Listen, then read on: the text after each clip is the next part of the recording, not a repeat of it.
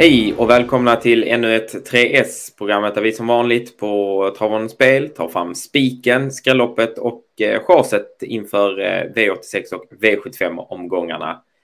Travet rullar på och så gör även vi och vi har eh, nya tips att bjuda på. Med mig för att fördela våra tankar, förmedla våra tankar är Rickard Hjellström. Hur är läget? Tack, det är bra här. Hur är det själv? Jo, men det är fint. Taggad inför eh, kvällens omgång som alltid. Eh, det är Åby Solvalla. Eh, har du koll på förutsättningarna? Ja, det tycker jag. Jag har väl framförallt grottat ner mig mest i Åbyloppen här så att där ska jag ha bra koll. Mm, vi kan väl eh, tisa lite att eh, det är där en av rubrikerna kommer i alla fall. Vilken det är får ni se lite senare. Ska vi köra igång? Det tycker jag. Då kör vi. Här kommer spiken.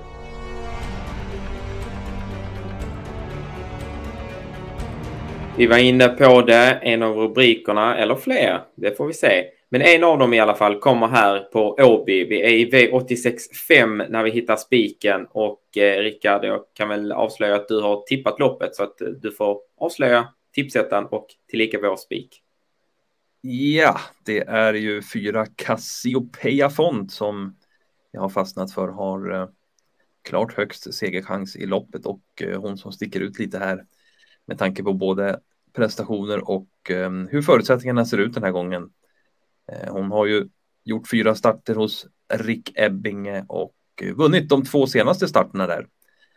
Senast återkom hon efter ett litet kortare uppehåll och öppnade ju bra bakom startbilen då till ledningen och hade inga som helst problem sen att gå undan till en eh, väldigt lätt seger. Eh, det var ju bra intryck. Det fanns krafter kvar. Det norska huvudlaget som hon går med rycktes aldrig den gången. Och jag pratade även med Rick Ebbinge här som eh, berättade att ja, men det var bra att hon kunde sticka undan sådär för att hon är lite flegmatisk och brukar svara bra på häst och inte bara sticka iväg sådär när hon är, är själv. Så att han var ju nöjd med den insatsen. Och eh, ja, förutsättningarna ser som sagt bra ut igen här med ett bra läge. Hon öppnade ju som sagt bra sist. Jag skulle tro, ja, det ser ut som att det är en bra spetschans här och därifrån borde även vinstchansen vara riktigt bra. En klassisk spets och slut helt enkelt.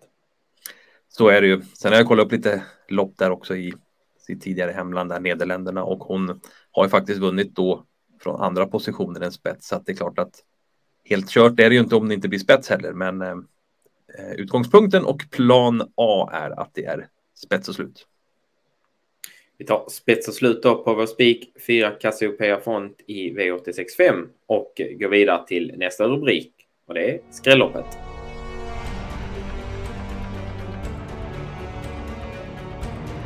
Skrälloppet, då backar vi bandet eh, en avdelning och vi är V86 4 som avgörs på Solvalla. Ett, eh, ja, vi har sett det för ett storlopp eh, utspritt över flera volter. Eh, ska vi börja ta lite kort om favoriten, ett Happy Go Pepper?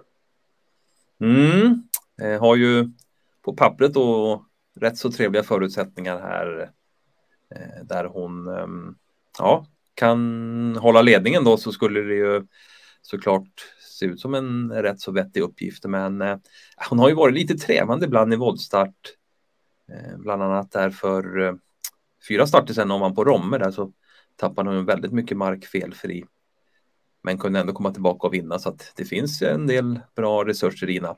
Spår 1 är väl bättre såklart än spår 4 hon hade den gången och, ehm, och så. Men senaste intrycket på Åby där när hon fick chansen på open stretch, där ett V75-lopp var väl inte heller så där så att det blixtrade till i avslutningen. Så att ja, eh, hon har väl en vettig uppgift men ändå ingen som man vill lita helt på här. Nej, vi osar som sagt eh, lite skräll här. Ska vi lyfta fram en annan häst som har lite roligare procent? Ja, nummer 10 Nika har vi ju lagt tvåa i rankingen och den är ju bara på 5 procent när vi spelar in det här. Och Nika har ju visat ja, riktigt fin form här på sistone. Båda de senaste två loppen har hon ju avslutat starkt där hon fått gått i tredje spår utan rygg sista halvvarvet. Och eh, föll fullt bra in i mål. Verkar dessutom trivas utmärkt där med eh, Kai P. Jussila i sulken. Han har kört henne de två senaste gångerna och totalt fyra gånger Eh, och aldrig varit sämre än trea och vunnit en gång där. Så att eh, de verkar trivas fint ihop så här. Så att det är ett formkort i loppet där nummer 10 Nika som mycket väl skulle kunna vinna det här loppet.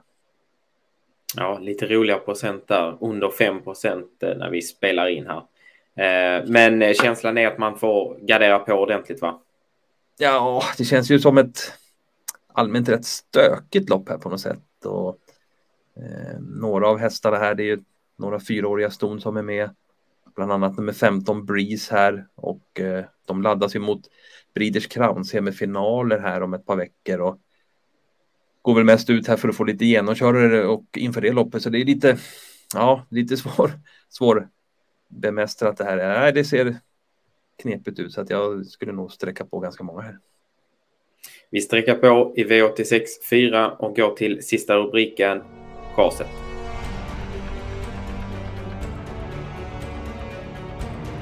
Chaset, då får vi backa bandet ytterligare en avdelning. Nu är vi tillbaka på Åby och vi är i V863 och det är också ditt andra lopp här i omgången. Eh, så att du får väl ta hem det här chaset också, Rickard. Vem är det vi åsyftar?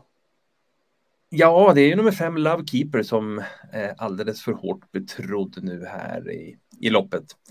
Eh, Ja, han har gjort det klart vettigt sådär, men eh, inte så att han sticker ut i det här loppet på något sätt som att det skulle vara en given vinnare att han ska vara klar favorit här. Det tycker jag inte. Jag tycker det finns andra hästar som har svarat för minst eh, lika goda prestationer som Lovekeeper har svarat för här. Så att, nej, inte någon. Visst, han är en tänkbar vinnare, men men eh, nej, han är alldeles för hårt betrodd. Ehm, vi kan väl avslöja att vi inte har en som etta i rankingen ens, utan vi har en annan betydligt lägre spelprocent eh, högst upp. Ska vi bjuda på den? Ja, jag har ju faktiskt, eh, som du sa, där, tippat det här loppet och jag tyckte tre Apollo Profit Cal har en intressant uppgift här. Eh, hästen har ju aldrig vunnit lopp hittills, men svarat för flera riktigt bra prestationer. Så att eh, han står lite på tur för att vinna.